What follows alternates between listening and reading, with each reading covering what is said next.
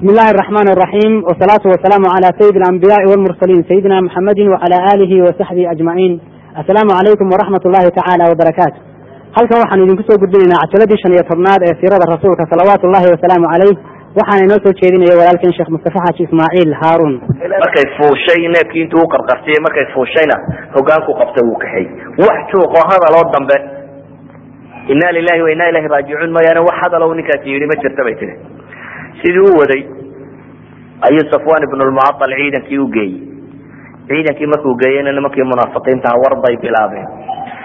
Ay leeyihiin caaisha iyo ninkani way isla hadheen warkaas bay daldaleen iyagoo raba inay nebiga calayhi salaatu wasalaam gurigiisa ceebeeyaan.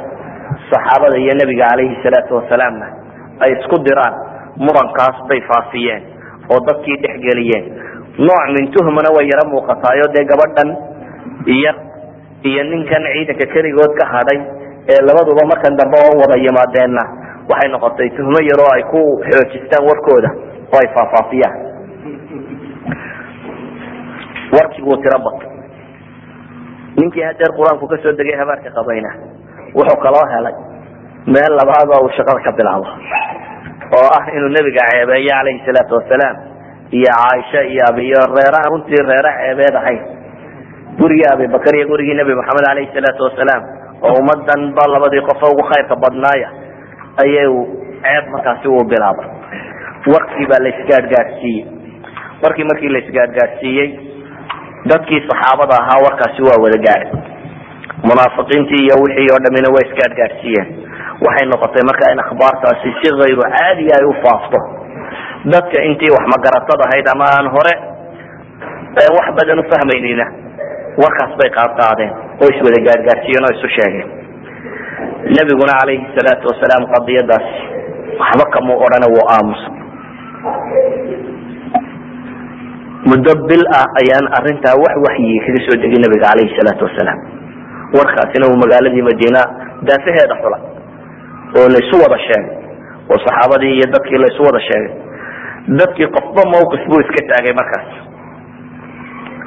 dadka badh iimaanu qanjaab buuxiyey oo yidhahda waxani macquul maaha. Abu ayub alansari baa loo sheegay subxaanaka ma yakunu lana an natakalama bihada subxaanak.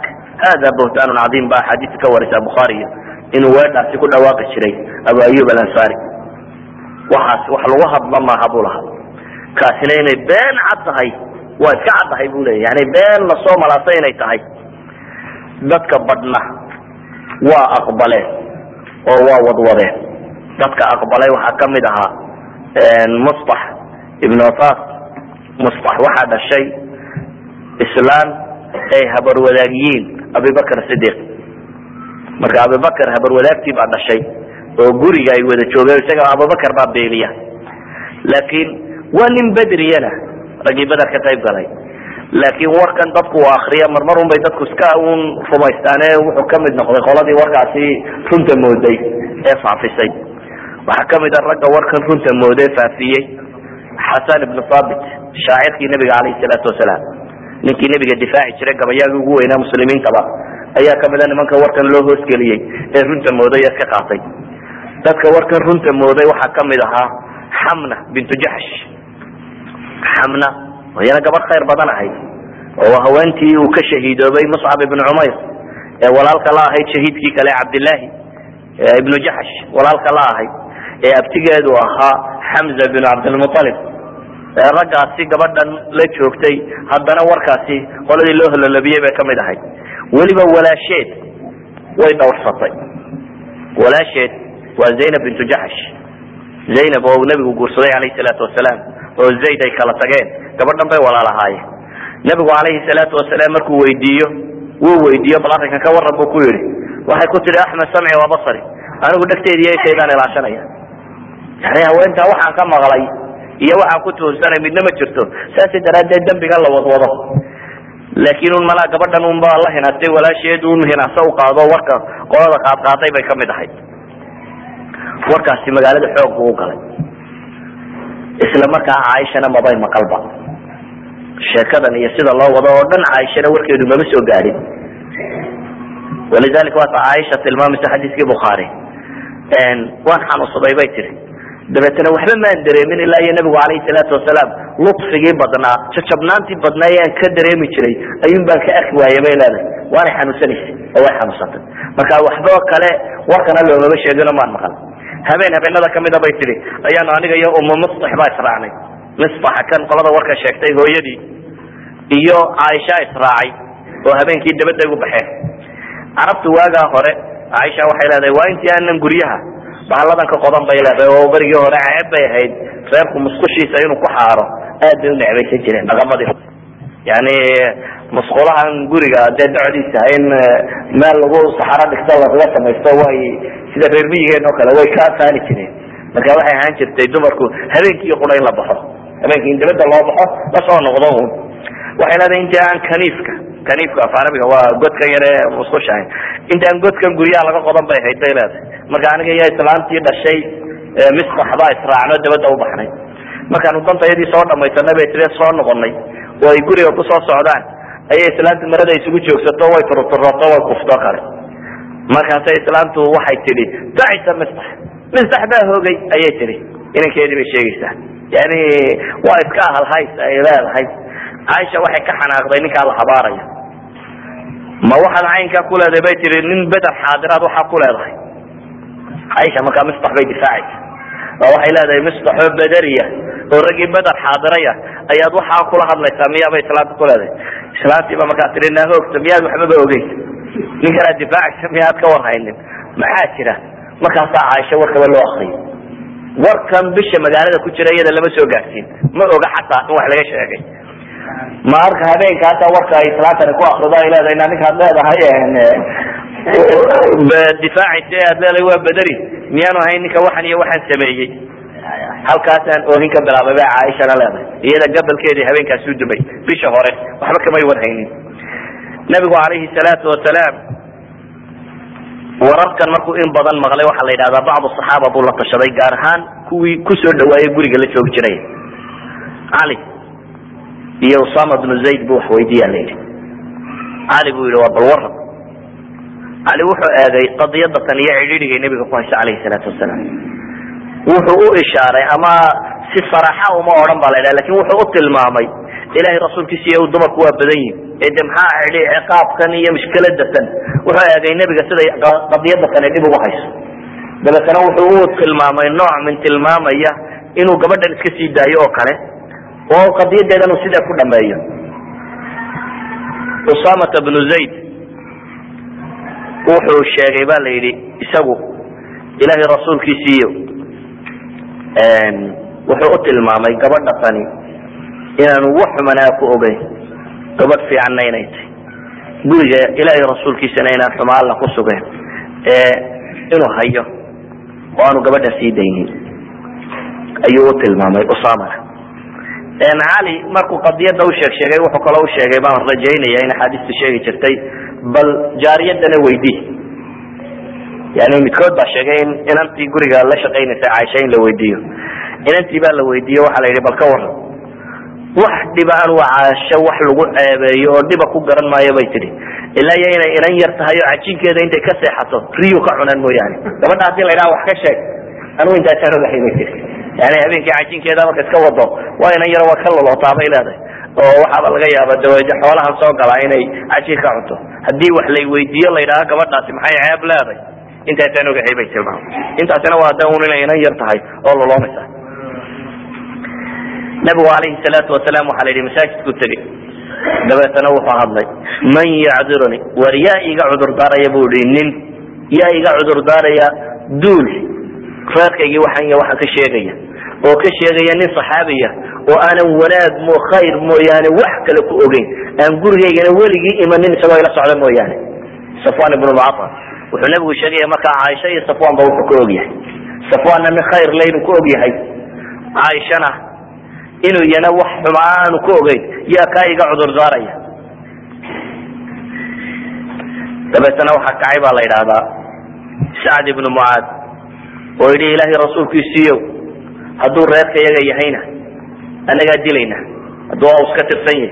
Khasraj hadduu yahayna nafar anagaa dilayna buu ku yidhi. Qadiyadaasi xasaasiyadii qabailkay dib u soo noolaysiisa dabeetana sacd ibnu cubaada oo khasrajiya oo meesha isna fadhiya habaarqabuuna waa khasraj buu ka dhashay cabdillahi ibnu ubay sacd ibnu cubaada oo meesha fadhiya wuxuu yidhi wallahi inaanad ku dhicin inaanad dili karin. Dabeetana waa dili karnaa oo buuq baa ka dhashay. Labadii kooxood baa qayliyo xagga midi ka qayliyo xagga midi ka qayliyo meeshii. Ows iyo khasraj baaba dib isu geli gaadhay oo murankoodii batay. Ilaa iyo nabigu aamusiyey alayhi salaatu wasalaam. War aamusa war aamusa war aamusa uu nabigu aamusiyo la aamusay. Dabeetana wuu ka soo baxay nabigu alayhi salaatu wasalaam. Caaisha oo warkii maqashay oo waxay leedahay habeenkii markaan maqlay habeenkii oo dhan waan ooyey. Maalintii dambe oo dhan waan ooyey. Habeenkii dambe o dhan waan ooyey. Lam tarqa hurda ishayda kuma soo dhicin bay leedahay. Waxaan oohinahayn waa layga waayo. Oo xanuunkii xanuun kale ugu sii darsamay. Waliba iska xanuunsanayso. Oo waxaan bay tii markii warkan lai sheegay bal horta hubi. Ilahay rasuulkiisiiyo ii ogolow bay tii waan xanuunsanayaan. Aabbaha iyo hooyaday utageen wuu ogolaaday waxay tihi wax kale uguma socone waxaa tilaa bal hadda hubi iyaguna inay waxaan maqleen. Waan weydiiyey bay tihi si aan uhubiyo dabeetana warkii inuu jiro ayaa ii caddaatay bay leedahay. Nabigu alayhi salaatu wasalaam markaa wuu yimi iyagoo ay reerku kaba cabsadeen oohin daraaddeed beerku bay dilaaca bay leedahay. Ayuu nabigu yimi alayhi salaatu wasalaam intuu iisoo galay bu wuxuu yidhi bay tihi caaishaay waxa iga kaa soo gaadhay warka caynka yani waxaa muuqata nabigu bishaas isna inaan waxba u sheegin caaisha laakiin iminka markay ogaatay iyana ee oohin dayn weyde laba habeen maalin ooyeyso ayuu nabigu alayhi salaatu wasalaam guriga aabaheed iyo ugu yimi iyo hooyadeed. Dabeetana markaas buu la hadlay. Wuxuu ku yidhi caaishaay waxay soo gaadhay arrinka sidaa iyo sidaa iyo sidaasiya ee fain kunta baria fasayubri'uka allah haddaad beri tahay oo aanad dembigan geysanin ilahay wuu ku beri yeeli doonaa. Wain kunti almamti bidembin ma haddaad dambaabtayna fastakfir illaha watuubu ilayh watuubii ilayh. Ilaahay dembi dhaaf weydiiso oo u toobadkeen buu nabigu ku yihi alayh salaatu wasalaam faina alcabda ida اctarafa bidembihi uma taaba ila allahi taaba allahu calayh addoonku qofku hadduu dembi galo oo uu ictiraafo dembigiisa kirto oo ilahay u toobad keeno. Ilahay toobadda wuu ka aqbalaa haddaad dambaabtayna sidaa yeel buu ku yidhi nabigu alayh salaatu wasalaam waxay tihi weedhaa markaa nabiga ka maqlay. Ayay oohintii iga soo kacay. Dabeetana aabbahay baan ujeesta waxaan ku idhi bay tihi u jawaab nebiga dabeetana wuxuu yihi waxaan ugu jawaabo garan maayo. Hooyaa ku jeestay bay tii haddana aan ku ihi bay tii u jawaab nabiga alayh salaatu wasalaam hooyadeedna waxay tihi waxaan ugu jawaabo garan maayo. Caaisha waxay leedahay markaasaan hadlay anigoo raba ina isberi yeela. Wallahan ku dhaartay bay tihi warkan waa maqasheen ilaa iyagu nafihiina degay. Waalidkeediiyo bay la hadlaysaa iyo nabiga alayh salaatu wasalaam. Waxay ku leedahay markaas wallahan ku dhaartay laqad calimtu. Warkan waa maqasheen ilaa iyo uu idin daadegay. Oo aad rumaysateen bay u jeedaa maanta haddaan idhaahdo beri baan ahay iyadoo ilaahay og yahay inaan beri ka ahay ima rumaysanaysaan bay leedahay iyadoo ilaahay og yahay inaan beri ahay haddaan idhaahdo wax dembiyo aan galay ma jiro sida warku idiin degay waxa ii muuqato bay leedahay inaydan rumaysanaynin. Iyadoo alla og yahay inaan beri ka ahay haddaan idhaahdo waan qabaana waxaan ogahay inay wada rumaysanaysaan waa markiiba aqbalaysaan ee ilaahay baan ku dhaartay ma ajidu lii walakum maala ilaa qawla abi yuusuf caaisha waxay leedahay waxaan idhi wax kaloo aan idhaahdo garan maayo aniga idinka dhexdeena yuusuf abima yacquubna waan qaban kari waayey bay tii yani carabi hayse yacquubna inay nebi yacquub magaciisii sheegtana way gara kari weyde dabeetana waxaan idhi bay tii wax kale oo aan leeyahay maanta ma jirto. Weedhii yuusuf aabihii uu lahaa un mooyaane fasabrun jamiil. Wallahu lmustacaanu cala ma tasifunti baa leeyahay bay tii fasabrun jamiil wallahu lmustacaanu cala ma tasifuun kaa weedhuu lahaa nebi yacquub markii intay yuusuf godka ku soo rideen wiilasha yimaadeen ay yidhaahdeen annagoo cayaarayna ay cunay ee khamiiska dhiiggale ay keeneen ilaahayna u warramay de waxu jirin ayuu wuxuu lahaa fasabrun jamiil wallahu lmustacaanu cala ma tasifuun ilaahay baan u sabraya buu lahaa asbiru sabran jamiila yani ilaahay baan u sabraya ilaahay baana iga gargaari waxaanaa sheegaysaa caaisha weedhaas bay tidhi sabirkii ay sabirtay ayaa ilaahay subxaana watacaala ku beri yeelay weliba caaisha waxay lahayd. Waxaan islahaa bay tihi ilaahay wuu ku beri yeeli laakiin ismaan lahayn bay tihi qur'aan baa samada ka soo degi doona berinimadaada ka waramaya oo abidkii muslimiintu ay akriyi doontaa ee waxaan islahaa bay tihi ilahay unbaa riye iyo wuxuu nabiga ku tusi doonay calayhi salaatu wasalaam berinimadaas oo waa rumaysnaa bay leedahay in alla beri yeelaye laakiin naftayda waan iskala yaraa bay leedahay in arrintayda ilaahay ka hadlo subxaana watacaala oo qur'aan ka soo dego. Dabeetana nabigu calayhi salaatu wasalaam qur'aan baa ku soo degay.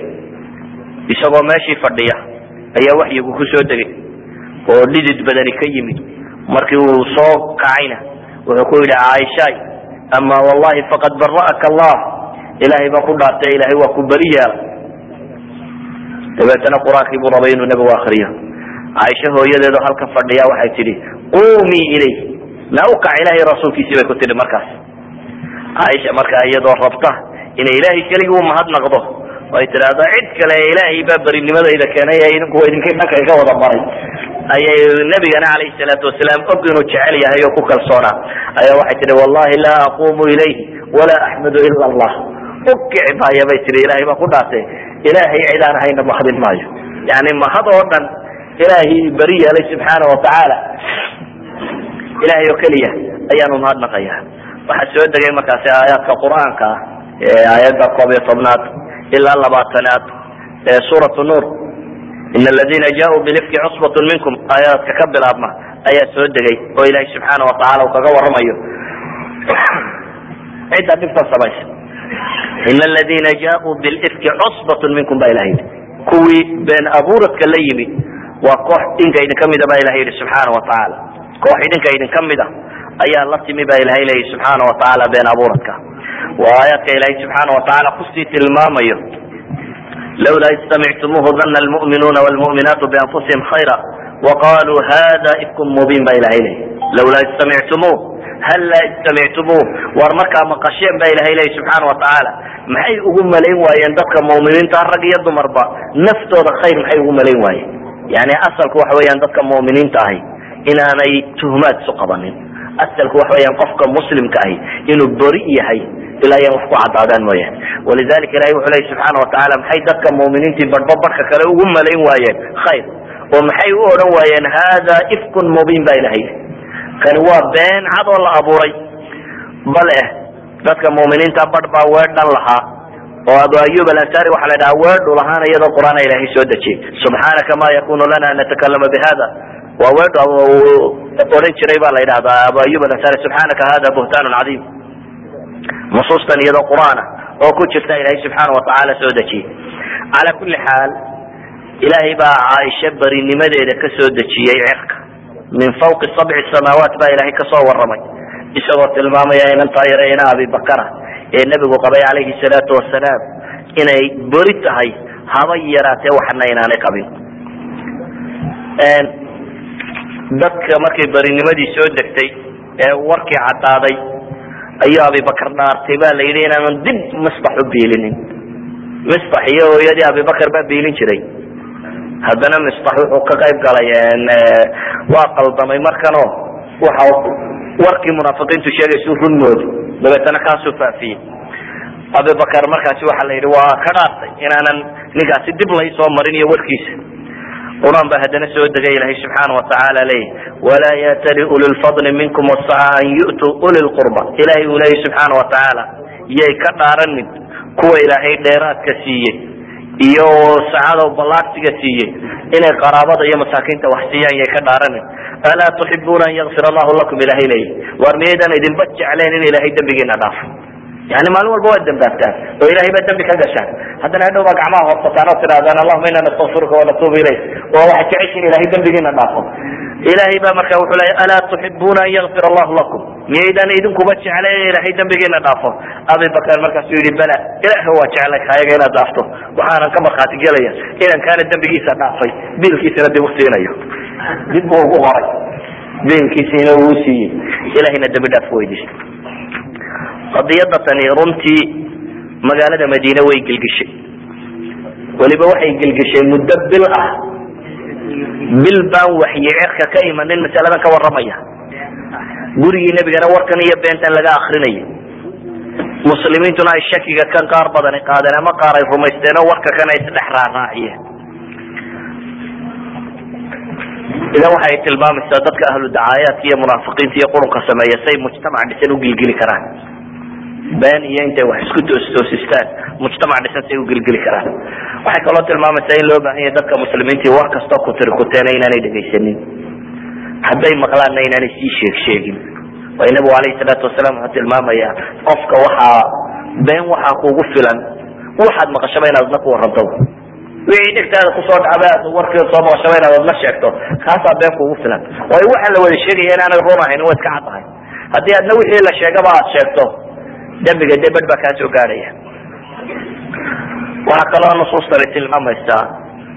Dad badan oo muslimiinta ka mid oo iska fiican oo iska niyadsan inay munaafiqiintu war si xun gelin karaan oo ay si maqluuba u gelin karaan. Walidalik buu nabigu alayhi salaatu wasalaam nusuustii baa soo degtay xaddulqadfiga ka warramaysay. In aladiina yarmuna almuxsanaat kuwa ilaahay tilmaamaya dumarka muxsanaadka ee dhowrsan ee cafiifaadka ah kuwa gana ee zine ku gana in korkooda ay waajib ku tahay in la jeedalo oo sideetan jeeda lagu dhufto oo weliba aan markhaati dambe laga aqbalin nusuusta fitrada badan le suuratu nuur ilahay kaga warramaya soo degtay. Dabeetana xaddulqadf ayaa waxaa lagu qaaday misbax iyo xasaan iyo xamna saddexdaaba waa la qadfiyey.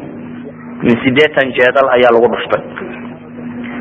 Waxaa la yidhahdaa ninkii buuxan oo dhan ka dambeeyey isaga lama jeedalin cabdillahi ibnu ubayiya culamada dhowr sababood ba way sheegaan culamada bar waxay idhaahdaan habaarqabuhu waxaan oo dhan haddana xariif mu hayo intiisan munaafiqiinta iyo kooxdan unbu warka ka dhex odhan jiray oo soo faafin jiray mooyaane.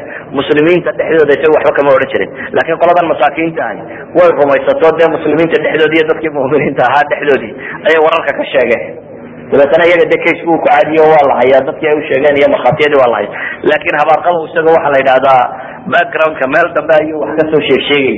Markaasi casku isaga kuma cadaanin culamada bar baa yidhahda culamada bar kale waxay yidhahdaan maye isaga dee qur'aan baa ku soo arooray.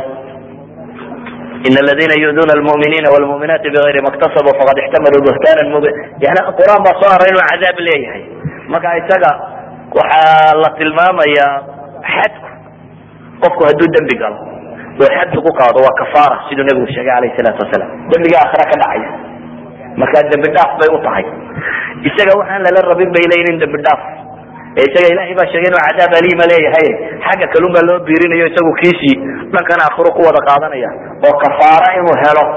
Ayaan isagu xaq ulahayn baa la leeyahay culamada badhna saasay ku tilmaamaan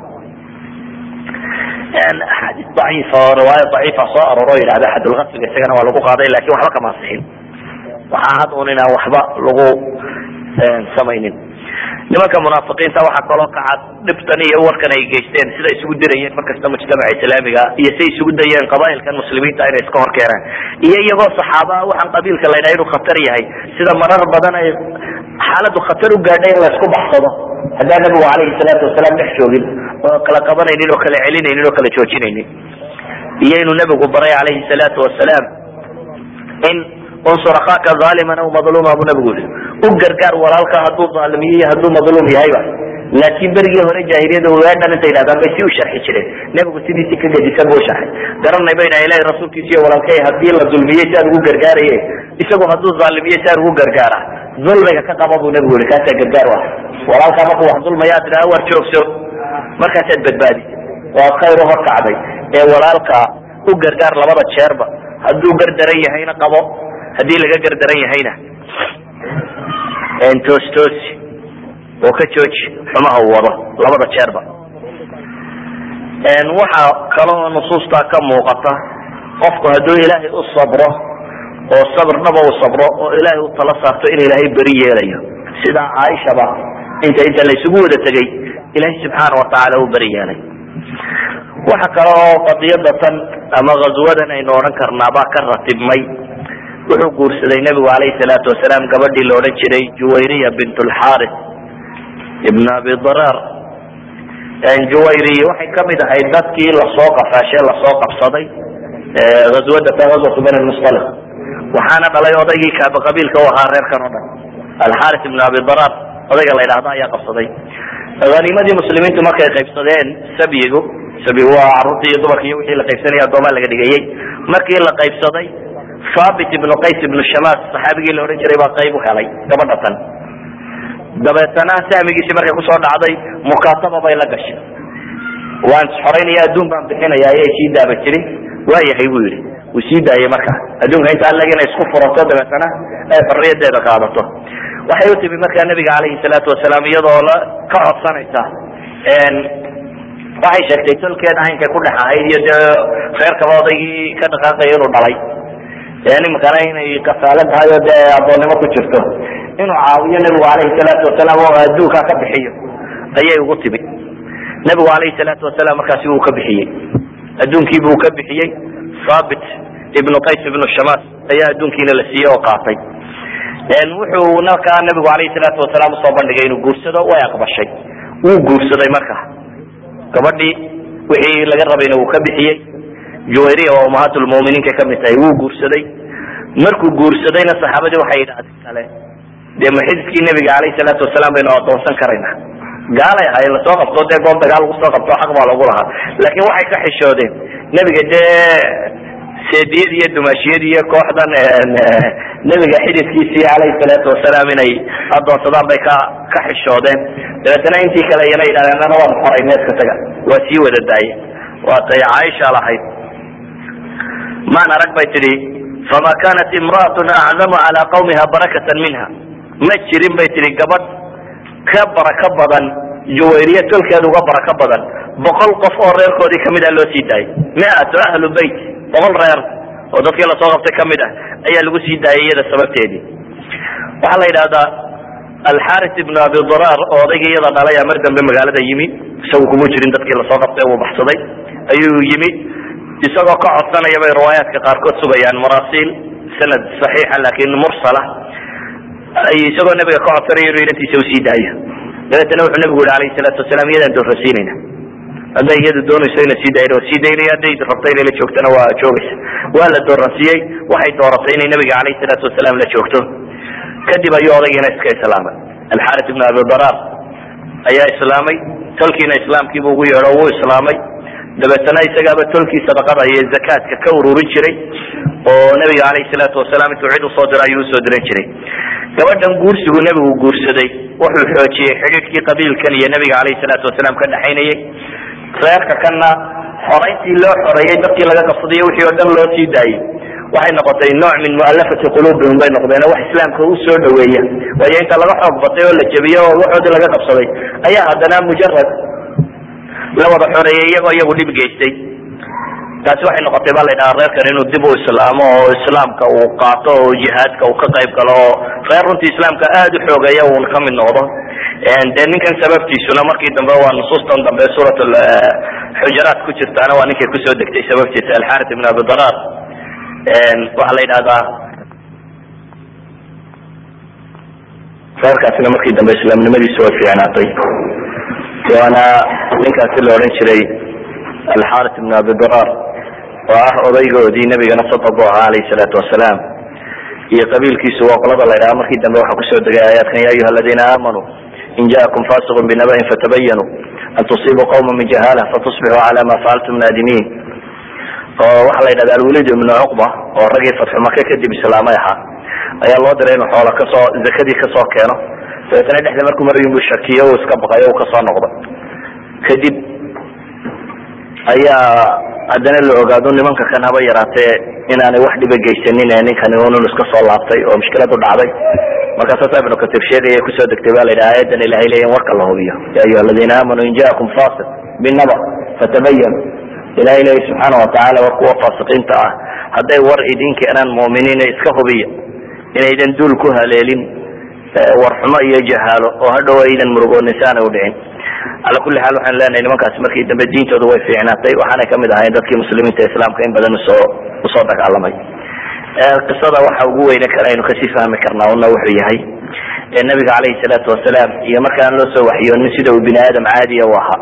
Sa ilahay ba u leeyay qul inama ana basharun milukum yuuxa ilay bini aadam idinla baan ahay bu nabiga dheh baa ilahay yihi waxaana qof bini aadam oo idinla ah oo loo soo waxyoodo yani markaan qadiyadda waxyi ugu imanin waxba isba kama ogaanin. Caaisha iyo qisadii la sheegay iyo xaadiatulifk iyo bil bay werwer gelinayso aanu waxba ka haynin.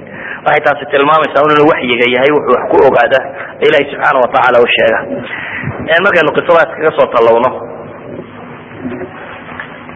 waxaynu maanta ka warrami doonaa gazwat alkhandaq ama gazwat alaxzaab dagaalkii taxaalufki iyo dadka bahoobay ama dagaalkii godka labadaba way yidhaahdaan culamadu axzaab ama khandaq midaynu ku sheegnaba dagaalkani wuxuu dhacay baa la yidhahdaa sannadkii shanaad ee hijiriyada shawaal yani waa markii laga soo noqday ba shacbaan bay ahayd gazwatu bani lmustalaq waktigay dhacday. Kana waa shawaal ayuu dhaci doonaa sannadkii shanaad ee hijiriyada saas bay qawl jamhuur culamaa qabaan culamada bad imaam zuhri iyo malik ibn anas iyo musa bn cuqba iyo qoladana waxaa laga wariyaa sannadkii afraad ee hijiriyada inay dhacay. Akram diya cumari xafidahullah oo kulminayaana wuxuu leeyahay labada qowl isma khilaafsane buu leeyihiin waxay ku saabsan yihiin sida loo tiriyo sanadka hijriga. Oo maadaama sannadkii hijriga ahaa uu waktulhijra uu bartamaha bilaabmay rabiicul awal meelahaas oo kale nabigu alayh salaatu wasalaam soo hijrooday taa macnaheedu waxa weeyaan qolana bilahaasi dheeraadka way laqaayaano sanadka dambe bay ka bilaabeen.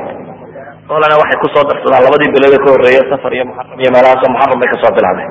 Marka sanad buu kala horreeya tirada la tiriya yani taqwiimkan hijriga sannadkii toddobiyo tobnaad ee hijriyada buu cumar qaatay. Cumar ibn khataab ayuu yidhi aynu ka dhigano hijriyada taqwiim. Saasay muwarikiintu marka haddii qoladan afarta aad qaadato bay leeyihiin macnaheedu waxay noqonaysaa inaad tidhaahdo masalan beder oo kale sannadkii koowaad bay dhacday inaad tidhaahdo. Uxud oo kale sannadkii labaad bay dhacday inaad tidhaahdo. Khandaqna markaa sannadkii afraad ba noqonaya haddii sida loo badayay jamhuurku ay qaataan ahayn muxaramkii ka horreysay bishuu nabigu soo hijrooday laga soo bilaabo sanadka hijrigaana waa beder sannadkii labaad bay dhacday. Uxudna kii saddexaad saasuu noqonaya. Marka waxay noqonaysaa sannadkii shanaad ee hijriyada inay dhacday. Insha allah qawlkaasaynu qaadanaynaa. Warka ibnu xazam ibnu xazam nin kamida muwarikiinta culamada muslimiinta isagu wuxuu ku tegey khandaqu iyo uxud iyo sanad qura udhexeeyey bu isagu leeyahy culamaduna way ka badinayaan. Isagu wuxuu ka qaadanaya xadiidkii saxiixu muslim ku yaalla cabdillahi bni cumar cabdillahi bni cumar ba wuxuu leeyay maalintii uxud afar iyo toban jir baan ahaa oo nebigu wuu celiyey ragii la celiyay buu ka mid ahaa. Khandaqna shan iyo toban jir baan ahaa buu leeya qoladii loo ogolaatay buu ka mid ahaa.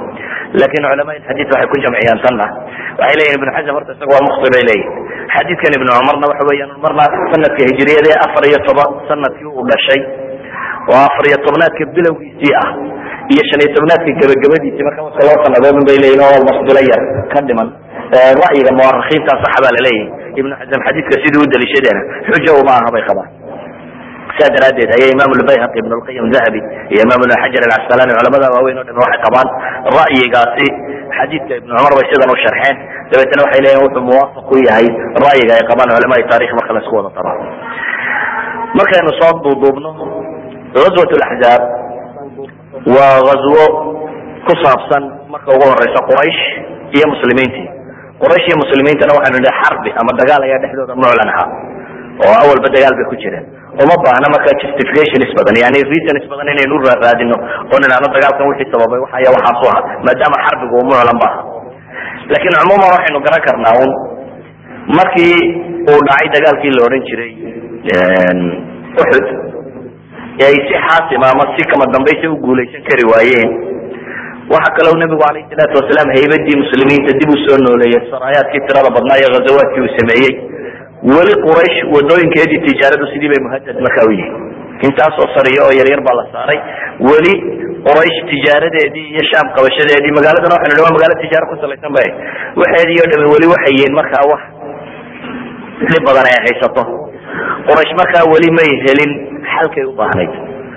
Sanadkii dambe wuxuu ka dambeeye la ballamayna waa kuwii jaray iyagu ee aan imanin iyagoo weli ra'yigaa qaba inay u baahan yihiin inay mar dambe isku dayaan inay dagaal qaadaan.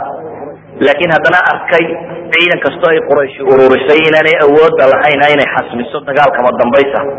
Ayaa waxay heleen ba la ydhahaa fursad kaloo cusub. Fursaddan waxaa abuuray nimankii yahuudda ee reer banu nadiir la odhan jiray yahuud sida ilaahayba qur'aankiisa ku sheegayo calankood ma kaco laba laba sababood mid un la helo mooyaane. Inay dee taalle qaataan oo markaasi dad muslimiina yihiin iyo inay cid kale dabada ku xidhaan. Keligood ma bareeraan ilahay ba wuxuu leya duribat calayhim udilla aynama tuqifu ila bixablin min allah waxablin min annaas yahuudi meel ay gacan sarrayso haddaad aragta cid uma dabada kaga naban tamaantana waa ogtiin de in maraykan dabada kaga nabay yahuud meel ay xoog badan tahay haddaad aragto keligeed ma taagna cid kalun bay ku naban tahay yahuudi reer banu nadiir la odhan jiray waxaynu soo marray in laga saaray magaalada madiina. Kadib markii ay isku dayeen inay nebiga dilaan calayhi salaatu wasalaam. Ama ha ahaato sababta ugu tegey siday culamada taarikh ku badan yihiin oo ra'yigaynu soo qadinay ahaayo hore oo ah saxaabigii ka soo baxsaday qoladii nolosha kaga hadhay ahaa ghazwadii biru macuna macuna wixii dhacay waxaynu dhi laba nin oo qura bala shan sagaal iyo lixdan baynu dhintay baynu dhi laakiin waxaan filaya inay sideed iyo lixdan yihiin waayo waxaa jira axad saxaaba la yidhaahdo baktiga ayuu ama maydkiiba dul fulay oo mayd ahaan baa looga tegey. Oo ghazwatu khandaqan meelahan ku geeriyoodaan rajaynaya adigu nin wakti damba sii noolaaya baa jira. Iyo camar adamri ninkii la odhan jiray waxaynu dhi ninkaasi labadii nin dilay diyadoodii buu nebigu ka doonay riwaayo kala jiro oo culamada taarikh ay sheegaan oo tilmaamaysa. Sababta ugu tegay inay ahayd inay iyagu dalbadeen in ba la wada doodo soddon nin iyo soddon nin ay isugu yimaadaan iyagoo ku tashaday inay nebiga dilaan. Laakiin soddon iyo soddonkii haddana waxay idhahdeen war soddon nin iyo soddon nin waa isku maranaynaa way difaacayaan nimankan. Iyo saddex iyo saddex qura saddex iyo saddexdii iyagoo ku tala jira ayaa gabadh muslimad ka mid ah ayaa walaalkeed oo muslima u soo sheegtay qadiyada u soo gudbisay dabeetana saas buu nebigu ku ogaaday wax kastaba ha ahaatee reer banu nadir waxay isku dayeen inay nebiga dilaan calayhi salaatu wasalaam. Tiina way u suurtoobi weyday oo ilaahay baa nebiga ilaalinaya say qur'aankuba sheegay. Kadibna reer banu nadir waxaynu qisadooda soo marray in la saaray oo laga saaray magaaladii madiine ahayd sham iyo khaybar iyo dhankaasay qabteen odayadoodii rag kamida markaa salaam ibn abilxuqayq ninkii la odhan jiray iyo xuyay ibnu akhtab ninkii la odhan jiray. Nimankaasi riwaayaadka taarikhda qaar ka mid labaataneey ay sheegaan cala kulli xaal zucamadii nimankaasi odayadoodii rag kamida ayaa wafti u baxay. Leh maxamed iyo kooxdiisa keliga in lama dagaalami karna waa inaynu u soo ciidan urursana quraysh bay u yimaadeen waxay kala hadleen qadiyada tan. Waxay leeyihiin waxaanu rabnaa moxamed iyo kooxdiisa inaynu la wada dagaalano haddaanu yuhuud nahayna maciina ayaanu nahay. Dee aan dagaalkaa qaadno quraysh su'aalay weydiisaa la yidhahdaa inkastoo aynu xagga horena ku soo sheegnay kacb ibnu ashrafna inay aayaadkani ku soo degeen laakiin waa nafs lqisa un waa yuhuud qurayshi wax weydiinayso oo leh idinkaa asnaamta caabuda ka saxsan. Aayadda qur'aan ilahay le alam tara ila aladiina uutuu nasiiba min alkitaab yuuminuuna biljibti wطaaguut wayaquluuna liladina kafaruu haulaa ahda min aladina aamanuu sabiila. Aayadda ilahi wuxuu leyi subxaana watacala miyaanad arkaynin? Kuwii kitaabka wax laga siiyey. Yani ahlu kitaabka ee yuhuud ahaa oo rumaynaya haddana sanamo iyo shayaaiin oo kuwa gaaleed ku leh idinka ayaa ka jid fiican nebi moxamed calayhi salaatu wasalaam. Kuwa sanam caabudaya ay arkayaan bay ku tilmaamayaan. Nebi moxamed oo muwaxid ah inuu ka jid fiican yahi quraysh iyo qolada tani markii ay wada heshiiyeen waxay ku heshiiyeen in dagaal la soo wada qaado. Waxay yidhahdeen nimanka kani weliba ciidamadii kalena anaga soo diyaarinayna. Wafdi kale haddana saareeno waxay qabteen nejid iyo waqooyiga. Waxay u tageen qabiilkii khatafan la odhan jiray khatafan waxay idhaahdeen moxamed iyo madiine wixii joogay waa lagu kala tegayaay dee waxaanu idin rabnaa hanimada inaad ka qayb gashaan quraysh oo dhan oo ciidani way soo socotaa way imanaysaa. Annagu haddaanu yuhuud nahayna reer banu nadiir iyo reer banu qanuqacba waa idinla dagaal gelayaan. Reer banu quraydana insha allahu arrinka waa ka dhaadhicin doonaa yuhuudda gudaha madiine joogta waxaanu rabnaa idina inaad ku soo darsataan. Quraysh way soo qanciyeen. Tahaame iyo agagaarkeeda dadkii joogay way soo qanciyeen banu sulaym nimankii la odhan jiray waa la soo qanciyey. Ratafan nimanka ka mid ah banu razana niman la yidhaahdo iyo oo uu hogaaminayo cuyayna bnu xisn oo ah nimankuu nebigu alayhi salaatu wasalaam ballamada la galay hore in laisnabadgeliyo isagoo hogaaminaya. Koox banu marwa la yidhaahdo. Kooxo badan alxaris ibnu cawf uu hogaaminaya la yidhahdaa reer ashjac reer banu asad. Nimankaasoo dham way soo urursadeen iyana oo waa soo dagaal galeen axzaab baa markaa lagu heshiiyey ciidamo dhan in laysugu wada keeno oo waxaa lagu heshiiyey muslimka maanta xilfiga kan marka la gunto inaan wax haba yaraatee noolaadaanay jirin. Lan culamada taarikh qaar kamidi waxay tilmaamaan in heshiisyadaasi ay ka mid ahaayeen taxaalufkaasi axzaabtaasi ay soo sameeyeen. Reer banu khatifaan oo kale musa bnu cuqba wuxuu leya waxa lagula soo heshiiyey timirta ka baxda madiine gebigeedba nus baa laydin siinaya. Haddaad dagaalka ka qayb gashaan saas bay kaga soo qayb galeen quraysh oo ciidamadeedii wadataa soo baxday.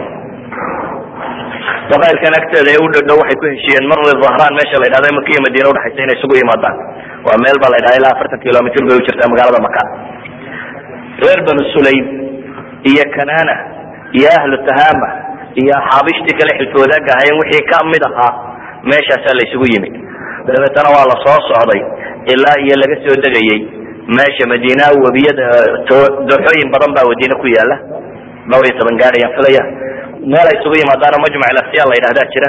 Halkaa meel abay degeen.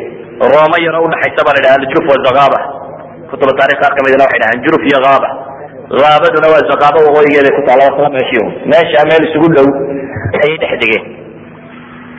Atafan oo reer banu asad iyo atafan wixii oo dhamina iyana waa isa soo raaceen oo waxay degeen ba la yidhaha danab naqma ama buurta uxud dhinaceeda meel ah halkaasaa ciidamadii oo dham isugu soo urureen.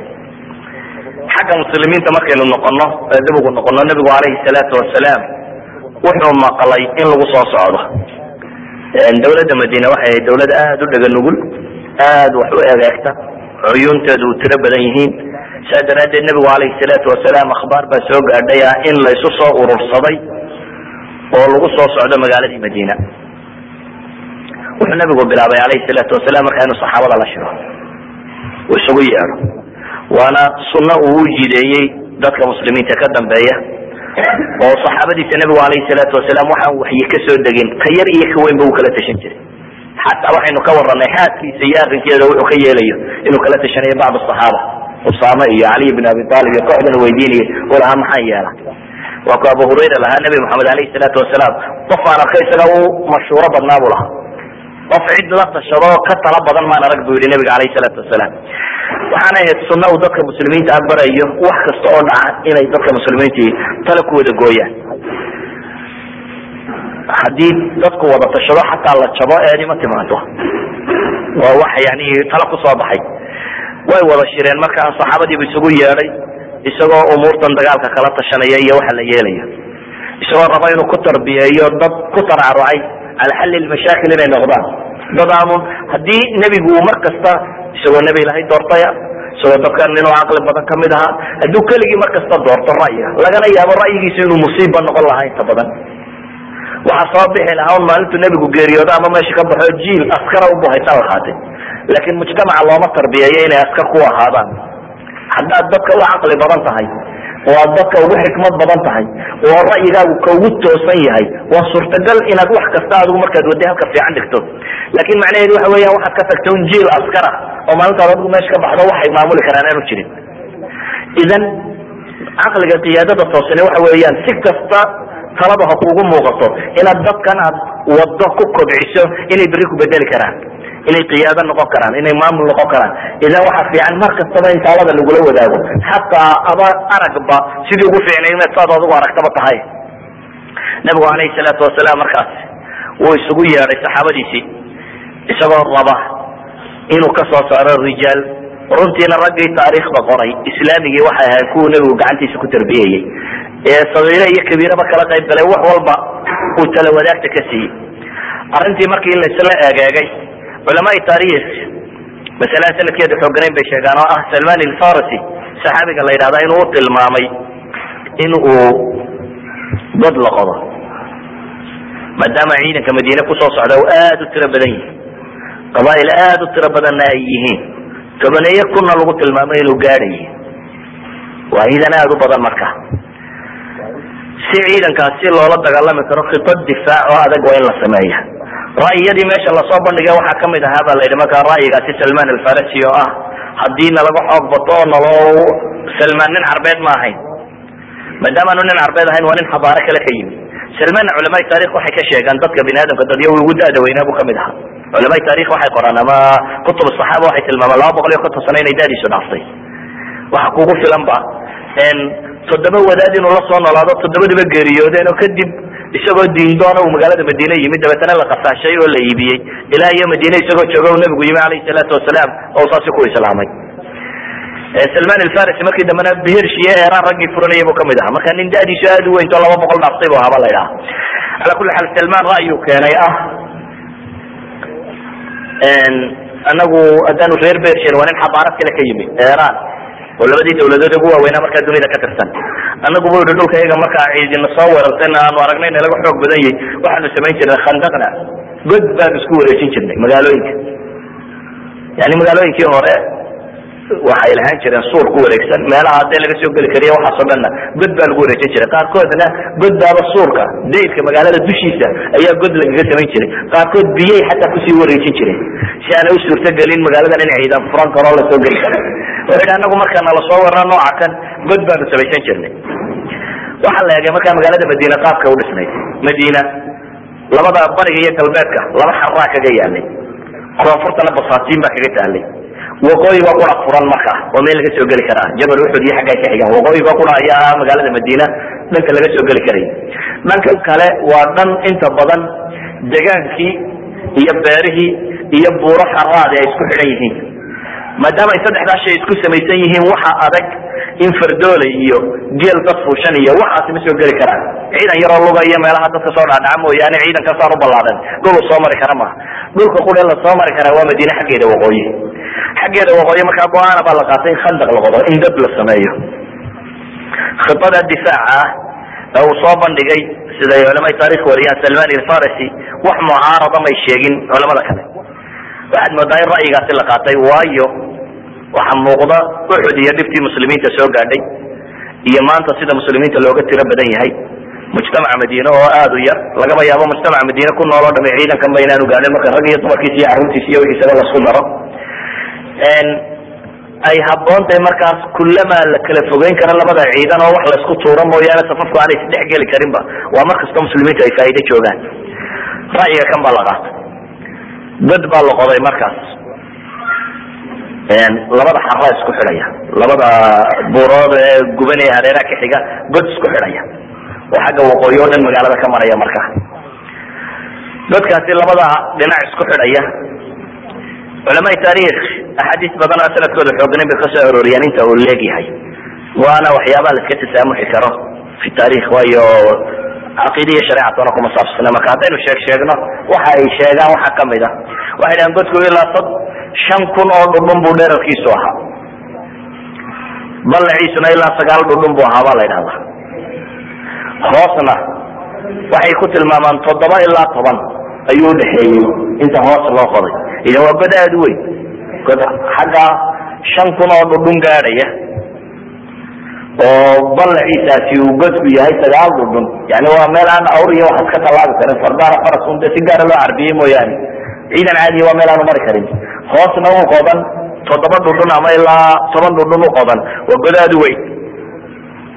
Weliba waxay sheegaan tobankii saxaabiba afartan dhudhun baa la yidhi qoda tobankii saxaabiye kastaba afartan dhudhun ayaa la yidhi qoda muhaajiriintu waxay yidhahdaan dhinaca xigta bariga ayay ka soo bilaabeen ilaa iyo xusn zabab ay soo gaarsiinayeen ansaartuna waxaa la yidhahdaa dhinaca galbeed bay ka soo bilaabeen. Ilaa iyo iyana xusn zabab xusniga la yidhahda ayaa udhexeeya ba la yidhahda labada dhinac xafrigaasay muslimiintu wadeen godkaasaa la qodayay waktigu waa waktigii qabooba ahaa ayuu ku beegantay. Marka waa jilaal jilaalkana madiine aad bay u qabowday maxana aada xumaa ka dhaca wakti abaarana way iskaga beegantaa la yidhi. Gaajo aad u badan baa jirtay iyadoo labadaasiba jiraan axaadiista saxiixa ay tilmaamayso. Gaajo iyo abaariba iyadoo ay jirto ayaa godkan la qodayo ay muslimiintani wadeen. Oo aanay wax la cuno aanay haysanin. Waxaad ka garan kartaa axaadiista saxiixeynka ku soo aroorto qura haddaynu tilmaamno. Dadka iyo gaajada haysay. Anas ibnu malik ba wuxuu leeyahay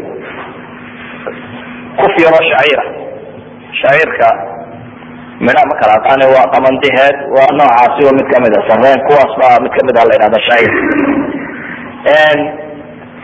in sacab buuxiso oo heed ama qamandi ama sareen waxaasi ah ayaa qof la siinayay buu leeyay oo lagu soo daray subag uraya biihalatin sanika subag yaroo gabow wuxuu ka qabo yani isbedelay oo riix leh ayaa dadka la soo hordhigaya bu leeyay iyagoo dadku ay gaajaysan yihiin hunguriga markay sii marayso urtay kugu haysaa kaaga daran buu lahaa waxa la cunayo.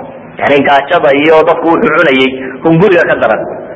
Waxa kugu filan xadiid imaam tirmidi warinayo abu talxa ba wuxuu leeyay nabigaanu u nimaano oo gaajo ka ashtakoonayna oole meeshii gaajaan hayso de waxba wax gaajo jira ay sheegaya markaasaanu calooshayada tusinay bu yihi nabiga alayh salaatu wasalaam anagoo dhagax dhagax caloosha ku xidhan. Gaajo daraaddeed bay dhagax caloosha ku xidhan yihiin nabigu alayh salaatu wasalaam sina beerkiisu ka qaaday bu yihi marado isagu laba dhagax ku xidhnaa bu yihi yani gaajay ka cabanayeen oo waxay lahaayeen dhagaxbaa caloosha noogu xidhan gaajo daraaddeed. Wuxuu tusiyey nabigu alayh salaatu wasalaam markaa isagoo isna beerka laba dhagax ay ugu xidhantay iyadoo caynkaasi haddana saxaabadu dadaalayeen oo la isku dayayey in la qodo oo aan haba yaraatee loo nasanin waxaa axaadiista qaarkood tilmaamaya. Yani wuxuu maala xadiiska bukhaari warinaya jaabir uu soo arorinay wuxuu leeyahy maalinta khandaqa waanu qodayna dabeetana kudya shadiida ama dhagax baa nagu soo baxaya adag oo aanu u taag weyno markaanu u taag weynaanu nebiga u yeedhaynay bu leya alayhi salaatu wasalaam. Markaasuu nebigu ku daadegay uu odhanaya aniga ku degaya i baneeya isagoo caloosha dhagax ku xidhan bu leya nebigu alayhi salaatu wasalaam annaguna maalmaha qaarkood saddex saddex cashaanu joognay bu leeyahy oo laa nudiiqu zawaqan wax la dhadhamiyo anagoo aan dhadhamin. Yani rag godadkaanu qodayo saa u shaqaynaya. Saddex maalmood oo isku xigtana aan oomataba ka daadegin. Saddex maalmood oo isku xigtana aan oomata ka daadegaynin. Laakiin iimaanka iyo islaamnimada inay u dagaalamaan ayaa qadaayaadkan keenaya. Dhammaantoodna godadkan waa la wada qodaya iyadoo aan ninaba ka dib maraynin iyadoo dhaguxu caloosha ugu xidhan yahay iyadoo baahidu sida tan u badan tahay ayaa la waday nebiguna calayhi salaatu wasalaam saas buu kagala qaybgelaya uu kula waday isagoo ay yani heesahan yaryar godadka lagu qodiyo waxa kan oo kale iyadoo la wada wado. Oo uu nabigu leya alayh salaatu wasalaam allahuma ina alcaysha cayshu laakhira fagfir lilansaari walmuhaajira ama allahuma laa caysha ila cayshu laakhira fagfir lilmuhaajiriina walansaar labadaba waa la soo ororiya ilaw nolole ma jirto ta aakhira mooyaane yani adduun gaajadii iyo dheragtii waa isku nooc nolole ma adduune ilaw nolole ma jirto ta aakhira mooyaane ee dembigooda dhaaf muhaajiriinta iyo ansaarta ayuu nabiguna lahaa alayhi salaatu wasalaam iyaguna waxay markuu weedhaydha ama beytka markuu nabigu qaado. Iyana way u iyagoo le naxnu aladiina baayacuu muxamada cala aljihaadi ma baqayna abada. Riwaayaadka qaarkoodna cala lislaami ma baqayna abada. Waxaanu nahay kuwii nebi maxamed heshiiska la galay inay la jihaadsamaan inta ay nool yihiin. Dagaalka inay la galaan nebiga maciisa saasaanu heshiis ku gallay iyana heestaasay dhanka kale ka qaadayeen. Nabigu alayhi salaatu wasalaam wuu kala qayb gelaya godka qodistiisa laakin ma ahayn kala qaybgalku. Kanay madaxda maanta sameeyaan ramziya. Yani dad meel ka shaqaynay intuu yimaado idhaa mushrafada in dhibanta xabad ku saydho uu dabeetana dhaqaaqo isagoo taygiisa xidhan kaa ahayn. Nabigu alayhi salaatu wasalaam si dhaba ayuu ula shaqaynayey isaga oo ciidda guraya isaguna. Saxaabiga xadiiska warinaya wuxuu le waxaan arkayay nebiga oo boodki iyo wuxuu siiga siday ay ciiddii qarisay buu leeyahy timo badan buu kulahaa bu leya calooshiya dhulkan oo meeshoo dhan ay wada bood iyo siiga tahay. Ciiddu sidaa guray. Ciidoo gura mu ciidoo gura muu guraynine. Waxay saxaabadu tilmaamayaan marka ay nagu adkaato ee meel la jebin kari waayo madaraqlayaasha ay u taag waayaan ay timaadana isagaa loo imanaya ilahi rasuulkiisi halkan waa u taag weyne anaa daadegaya ii dhiiba buu lahaa markaa madaraha yani nabi maxamed alayhi salaatu wasalaam sida askariyaga ka mid uu shaqeynay buu la shaqeynayay ee mid ramzi ah in maqas lagu jaro ama mashrafad inta la daro in la dhaafo ah mur wadin ama hal dhagax inta la dhigo in dhinaca kale laga maro dadka. Taasi ma ahayntiisu iyo si dhaba ayuu la shaqeynayay waxaa dhacaysay xataa nabigu alayhi salaatu wasalam waxa la dhaha maalintaasi wuxuu aad ugu heesayay o u qaadayay kalimaat yani gabay uu leeyahay cabdillahi bn rawaxa. Gabaygiisii ahaa allahuma lawla anta ma htadayna wla تصدقna wla صlayna faأnزla سakينة عlayna وثبت الأقدام in laqayna in اlأla ragبوا عalayna o fi riwaaya yani riwaayad kalaa jirto aan ragb u sheegi jirin in اlأla qad bagw عalayna riwaaya kaloo sheegtaa jirta ala kuli xaal gabaygaas buu nabigu qaaday isagoo weedha ugu dambaysa kolba jiidaya yani waa waxyaaba aan lagu madadaasho marka shaqada la wado hab iyo hitowda kaas buu waday nabigu alayhi الsalaatu wasalaam waxaa dhacaysay marka ay gaajadu badatay ee rabshadu ayaa jaabir ibn cabdillahi wuxuu leeyahy waxaan arkay nabiga calayhi salaatu wasalaam iyo waxa juhud iyo dhib haysata. Markaasa haweenaydiisii buu tago wuxuu dhinaa wax labana ma haysaa waxar yaroo meesha joogay neef yaroo adiyo meesha joogay. Iyo in yaroo shaacir ay tiri de intana aan ajiimo neefkanna wuu qalan birtuu mariyey waxay tihi markaa nabiga alayhi salaatu wasalaam utaguna dhegta usaaro isaga iyo dee mid kale hadduu soo raaci karaa soo raacama ha yimaada jaabir ibn cabdillahi wuxuu leeyay nabigaanu imi alayhi salaatu wasalaam gaajadii markaan yaaba iyo dadkii siday yihiin. Markaasaan u yeedhaa ilahay rasuulkiisa iyo in yaroo raashin aad sameeyeen arkeen jaabir ibn cabdillahi markaa wuxuu rabaa inuu nabiga u qarsado oo de intan yar nabiga alayhi salaatu wasalaam uu soo siiyo. Ilahay rasuulkiisa iyo in yar baan halkan ka sameeyen arkeen nabigu ciidankii meesha qoday buu i kaalaya. Jaabir baa raashin inoo sameeyena soo dareeriya waa waxar yar wax la qalay ciidan dhowr kun oo nin ama kun nin ka badanina waxbay qodayaan wuxuu yihi soo dareeray jaabir baa raashin inoo sameeye jaabir wuxuu leeyahy markii uu dhawaaqay ayaa ra kun nini soo dhaqaaqeen dabeetana waa kajilay bu yidhi waxaan sameeyaan garan waaye. Waa iska horgalayna wadi bu yidhi gabadhii waxay aragtay dee ciidankii muslimiinta loo soo dareeraya? Waa arka yar qashay iyo inta yar raashini wuxuu nabigu yihi alayhi salaatu wasalaam ilahay baa inoo barakeynaya bermada yar bahasha ku jirto dherigana dabka ha ka qaadina